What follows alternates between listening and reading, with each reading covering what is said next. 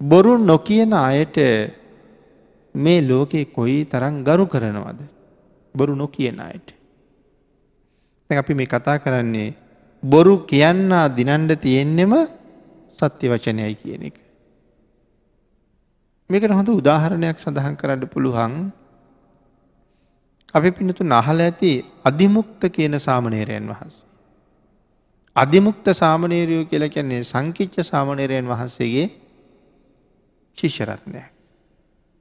අධිමුක්ත සාමනේරයුන්ට එක දවසක් සංකිච්ච ස්වාමීන් වහන්සේ ආචාර්යවරය කතා කරලා කියනවා. සාමනේර දැන් ඔබ මුහකුරා ගීපු වයස ඉන්නේ. දැන් උපසම්පදා කරන්න කලවයස් හොඳ ඇති. එහින්ද මව්පියෝ හොයාගෙන ගිහිල්ලා හරියටම තමන්ගේ වයසමකක්ද කියලා අහගෙනෙන්ට කියලා.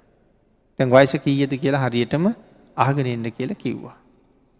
අං ඒ වෙලාවේ අධිමුක්ත සාමනේරයන් වහන්සේ දැන් මව්පියෝ හම්බවෙන්ඩ ගමට යනවනම් මහ කැලෑවක් මැද්දෙන් යන්ඩෝන.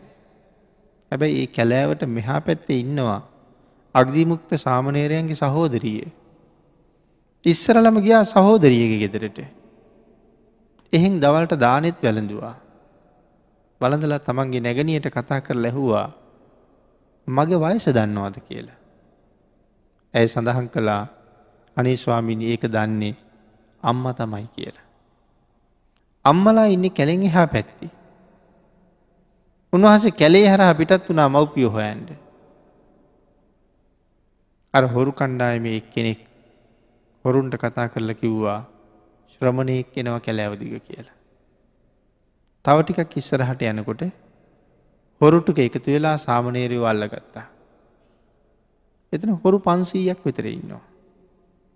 සමහර හොරු පිරිසක් සඳහන් කළා මේ සාමනේරයා මරමු කියලා. තව හොරු පිරිසක්කිව නෑ සාමනේරය මරන්ඩෝන්නේ හාමුදුරු මරන්ඩෝන්නෑ කියලා. දැ මේ ගොල්ලන්ගේ මේ කතාව හාමුදුරුවන්ට ඇහුණා. හාමුදුරු කල්පනා කළා මේගොලු මම් මරයිද දන්නේ.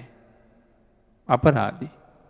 මට තව මේ මහනක මේ හැබෑ ප්‍රතිඵලය නෙලාගණඩ බැරි වුණා.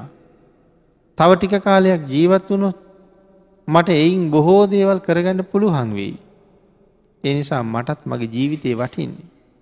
ඒ ජීවිත තන්හාාවට වඩා සසර මග කෙටිකරගණ්ඩ යමක් කරගන්න තව පුළුවන් වෙයි කියලා හිතන හින්දා. එහින්ද කල්පනා කලා මේක හොර දෙටුවට කියල බලන්ඩ ඕනේ. හොර කණ්ඩාය මේ නායකයට කතා කලා සාමනේරයන් වහන්සේ. කතා කරලා කියනවා මංගොබට එක උදාහරණයක් කියන්න. ඒක කල්පනා කරලා ම මරණවද නැද්ද කියල තීරණය කරන්න. සඳහන් කළා මිනිහෙක් ඇවිල්ල මේ කැලෑවේ උගුලක් හදනවා. ඒ උගුලට අහුවෙනවා හාවේ දැන් හාව උගුලෙ පැටෙල්ලා මැරිල්ලා.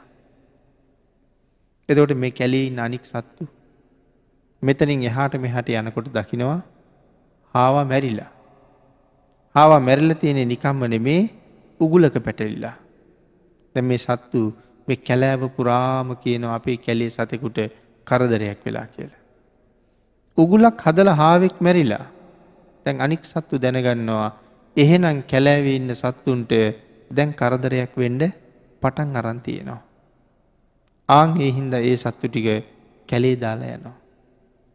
සාමනේරයන් වහන්සේ හොරනායකයගෙන් අහනවා දැන් අරමිනිහා කැලේ උගුල් ඇටෙව්වට ඒ මිනිහට සත්තු අහුවේද කියලා.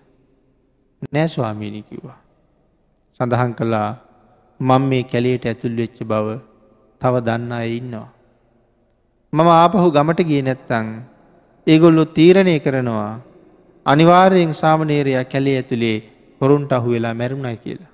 නැතන් හොරු මැරුව කියලා. පැවිද්දෙකුටවත් ජීවිතය දෙන්නේ නැති භයානක හොරු ඉන්න කැලෑව පැත්තෙන් ගිහිල්ල බෑ කියලා කිසිම මිනිහෙක් අදින් පස්ස මේ වනන්තරයට ඇතුල් වෙන්නේ නැතිවෙයි. එහෙම වුණොත් ඕගොල්ලන්ට කොහොමද ධන සම්පත් ලැබෙන්නේ කිය ඇහුවා. ඒ වෙලා හොරු කණ්ඩායමේ නායක තීරණය කළා සාමනේරයා කියන කතාව ඇත්ත තමයි. ඒ හින්දා මැරුවත් ගණ්ඩ කිසිම දෙයක් මේ සාමනේරය ගව නෑ එනි සමයට යන්ට දෙමු. හැමෝ එකතු වෙලා සාමනේරයන් වහස නිදහස් කළා. උන්වහස කැලින් එලියට වඩිනකොට උන්වහසගේ අම්මයි තාත්තයි සහෝදරයයි තවත් සහෝදරියකුයි මේ කැලේ හරහා ආපහු කැලින් එහ පැත්තට යන්ඩේනවා. ඒගොල්ලො මුණ ගැහිලා කතා බහ කරලා ඒගොල්ලන්ගෙන් තමන්ගේ වයසත් අහගෙන උන්වහස පිටත් වුණා. තමන්ගේ කමටවත් නිකමටවත් කීවද ඔය කැලේ හොරුවගයක් ඉන්නවා යන්ඩපා කියලා. අම්ම තාත්ත වනත් ඒ කතාව කීවෙනෑ. මොකද හොරුන්ට පොරොන්දුවක් වුණා මම නිදහස් කරන්න. හැබැයි මම ඔබල අල්ලගත්ත බවවත් හොරු මේ කැලේ ඉන්න බවවත් මං එලියට ගිහිලා කිසි කෙනෙකුට කියන්නේ කියන්නේ නෑ. බණ්ඩේ සත්‍ය ප්‍රකාශය පිහිටලා අම්මට තාත්තටවත් ඒ කාරණාව කීවේ කීවෙනෑ කීවේ අර ප්‍රකාශය බිඳයි කියලා. බොරුවක් වෙයි කියලා. එත් තරම්ම සීලයට ගරු කෙරුවා. මේගොල්ලො කැලේමැත් යනකොට හොරු අල්ල ගත්තා. සියලු දෙනාටම හොඳටම පහර දුන්න දඩුවන් කෙරුවා. අම්ම අම්ම දැන් අඩනවා අධිමුක්තයෝ මේ කරදරේ මේ කැලෑවි තියෙන බව දැන දැනත් අපිට කීවෙනෑ. අධිමුක්තයා අපි අමාරුවේ වැටෙනකම් බලාගෙන හිටිය අපිට කිව්වෙනෑ. එහෙම කිය කිය අම්ම අඩනවා. ඒ වෙලාවේ හොරනායකයට මේ ඇවිල්ල අහනවා අධිමුක්ත සාමනේරයෝ කියන්නේ ඕගොල්ලන්ගේ කවුද. එතකට සඳහන් කළා මම අම්ම මේ තාත්තා මේ සහෝදරය මේ සහෝදරිය ඒ කියන්නේ අධිමුක්ත සාමනීරයෝ ඕගොල්ලන්ට හම්බුනාද හම්බුනා මේ කැලේ ඉවර වෙනකොටම. ඕගොල්ලන්ට කැලේට යන්ඩපා කියලා කීවෙ නැද්ද.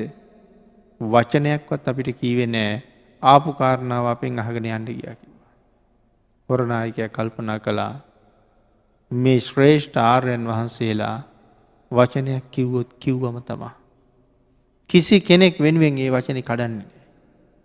උන්වහසේ ඇත්ත කියලා ගියා කාටවත් කියන්නේ කියලා උන්වහන්සේ අම්ම තාත්තා වෙනුවෙන්වත් සිල් කැඩුවේ නෑ. ශ්‍රේෂ්ඨ ශ්‍රමණයන් වහන්සේ නමක්. මේ අම්ම තාත්තා බොහොම ගෞරවනීය විදිහට ඇපු පස්ථාන කළ නිදහස් කළා. හොරු පන්සිය දෙනාමත් අනගහගෙන හොරනායකය අධිමුක්ත සාමනේරයෝ ළඟට ගිහිල්ලා ඉල්ල හිටිය ස්වාමීනී අපි පැවිදි කරන්න කියලා. අධිමුක්ත සාමනේරයෝ තමන්ගේ ආචාරයන් වහන්සේටත් කරුණු සඳහන් කරලා මේ හොරු පන්සිය දෙනාම පැවිදි කෙරෙවා. පැවිදි කරවල ඔවුන්ට උප සම්පදාවත් ලබල දුන්න. මෙන්න මේ සෙල් රැකපු එක සත්පුරුෂයෙක් නිසා අර හුරු පන්සිය දෙනාම රහතන් වහන්සේල බවට පත් වනා. සතරාපාය ගිහිල්ලා අනන්ත දුක්විඳින්ට හිටපු අය සතරාපායෙන් නිදහස් කරන්න එක ශ්‍රේෂ්ඨ පුද්ගලයකුට හැකි හිච්ච තරම.